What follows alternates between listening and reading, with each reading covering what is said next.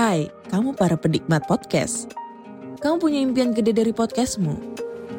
Terus First Story bisa banget bantu kamu.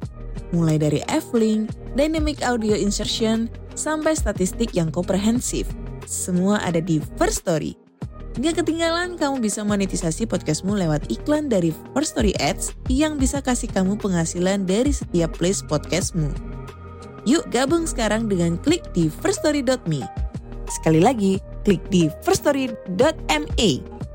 Mari kita bawa mimpi podcastingmu menjadi kenyataan.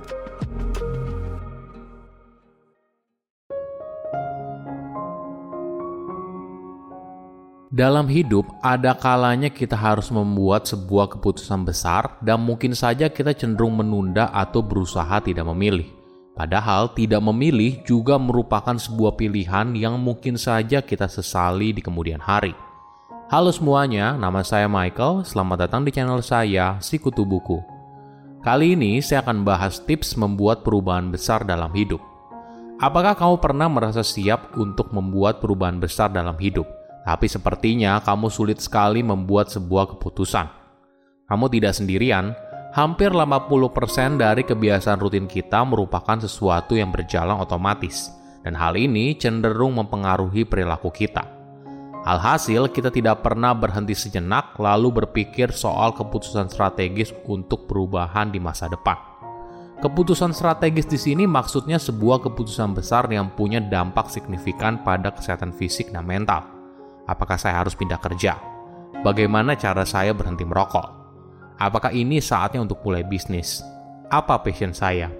Apa yang harus saya lakukan setelah lulus kuliah? Berbagai pertanyaan besar ini sering kali tidak mendapat perhatian yang cukup. Jadi pada akhirnya entah tidak kejadian atau terjadi karena dipaksa keadaan. Sebelum kita mulai, buat kalian yang mau support channel ini agar terus berkarya, caranya gampang banget. Kalian cukup klik subscribe dan nyalakan loncengnya. Dukungan kalian membantu banget supaya kita bisa rutin posting dan bersama-sama belajar di channel ini. Banyak orang menjalani hidup dalam status quo. Tentunya hal ini tidak sepenuhnya salah. Coba bayangkan sebuah evolusi peradaban manusia. Ketika kamu salah menginjak tanah, bisa saja kamu digigit ular atau masuk ke dalam pasir hisap. Kamu menjadi hati-hati, di era modern, kamu jadi takut untuk membuat keputusan yang salah. Kamu mungkin saja takut atas pandangan orang terdekat soal keputusan yang kamu ambil. Tapi di sisi lain, membuat keputusan besar mungkin penting untuk masuk ke fase hidup yang kita inginkan. Pindah tempat kerja yang baru, menikah dengan seseorang, memutuskan untuk kuliah, dan sebagainya. Secara budaya, mayoritas orang kagum pada seorang yang berhasil membuat perubahan besar dalam hidupnya, karena hidup itu harus bergerak maju. Menariknya, hidup sering kali tidak terduga. Apa yang membawa kita hingga ke saat ini mungkin saja sebuah keputusan yang tidak pernah direncanakan sebelumnya. Misalnya, ketika kamu kuliah di jurusan ekonomi, eh tapi ketika kamu kerja part-time di sebuah startup, kamu tertarik untuk belajar soal programming. Pengalaman ini ternyata membulatkan tekadmu untuk ikut bootcamp dan mulai belajar untuk jadi programmer. Inilah hidup, Hidup tidak berjalan linear, tidak selalu naik dan tidak selalu turun.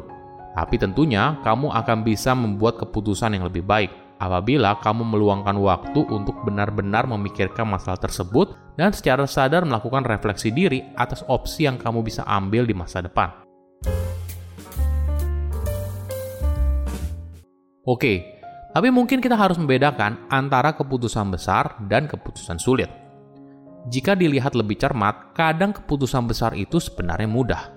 Misalnya, kamu perlu menjalankan operasi untuk bisa sembuh. Ini adalah keputusan yang mudah. Sama halnya dengan menikah dengan orang yang kamu cintai. Ini mudah karena sudah jelas kalau ini adalah pilihan yang tepat. Tapi hal ini merupakan keputusan besar karena mengubah hidupmu secara signifikan. Di sisi lain, keputusan sulit adalah di mana kamu harus memilih dari beberapa alternatif yang masing-masing punya dampak yang signifikan. Misalnya kamu punya pilihan dua karir yang berbeda, keputusan untuk punya anak atau tidak, dan sebagainya. Ada hal penting buat kamu di masing-masing pilihan tersebut. Pilihan pertama terlihat lebih baik dari beberapa aspek. Begitu juga dengan pilihan kedua. Tapi tidak ada yang terbaik dari dua pilihan tersebut. Jadi, membuat keputusan sulit itu ketika dua pilihan terlihat sama baiknya, tapi berbeda satu sama lain. Jadi, apa yang bisa kamu lakukan? Pertama, kamu harus tahu apa yang benar-benar penting dari setiap pilihan yang kamu punya. Misalnya soal pilihan karir. Apa yang dipikirkan oleh orang tuamu penting bagi kamu atau tidak? Kedua, memahami pro dan cons dari setiap pilihan yang ada. Ketiga, mulailah menuliskan di secari kertas setiap opsi beserta masing-masing pro dan cons-nya. Nah, lalu kamu bisa menilai secara keseluruhan mana yang lebih baik. Tapi mungkin saja kamu makin bingung, karena pilihan yang ada itu masing-masing punya kelebihan dan kekurangannya masing-masing. Ini adalah situasi yang dialami oleh banyak orang. Mereka terjebak dalam pilihan yang sulit. Keempat, biarkan dirimu terbuka atas berbagai kemungkinan untuk membuat sebuah komitmen dan menjalankannya. Mungkin analogi terbaiknya adalah soal hubungan percintaan. Faktanya, tidak ada satu orang pun di dunia yang merupakan pasangan terbaik buatmu dan sempurna dalam setiap aspek. Banyak orang yang mungkin saja punya tingkat kecocokan yang setara denganmu. Tapi ketika kamu berkomitmen dalam sebuah hubungan, komitmen itulah yang membuat orang tersebut terbaik buat kamu dan kamu memberikan nilai tambah dengan membuat komitmen dengan orang tersebut. Mungkin ide besarnya bukan sesuatu terjadi karena sebuah alasan, tapi kita yang menciptakan alasan hingga semuanya terjadi. Alasan itu terjadi ya karena kamu ingin hal itu terjadi, karena kamu butuh perubahan tersebut dalam hidup kamu. Ketika menghadapi keputusan sulit, kita sering kali tergoda untuk mengambil jalan pintas dengan menundanya kita merasa ketika dihadapkan dua pilihan sulit, kita masih punya pilihan untuk tidak milih dan tidak melakukan apa-apa.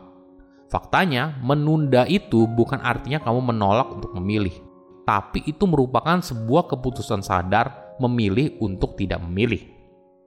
Pelin-pelan dan menunda untuk memilih tidak akan mengurangi rasa sakit dari sebuah keputusan yang akan diambil di masa depan. Riset membuktikan Walaupun dalam jangka pendek banyak orang merasa menyesal atas keputusan yang diambil, tapi dalam jangka panjang sebenarnya penyesalan muncul bukan karena kesalahan tersebut, tapi karena menunda untuk mengambil keputusan. Jadi dalam jangka panjang, lebih bijak agar kamu tidak menghindar ketika harus mengambil sebuah keputusan yang penting. Ingat, keputusan yang kamu ambil merupakan satu-satunya jalan yang secara sadar membentuk apa pun dalam hidup kamu. Sedangkan yang lain hanya mengalir saja mengikuti arus. Ada fakta yang menarik. Seringkali kita berpikir ketika mengambil sebuah keputusan, maka kamu perlu berpikir secara rasional.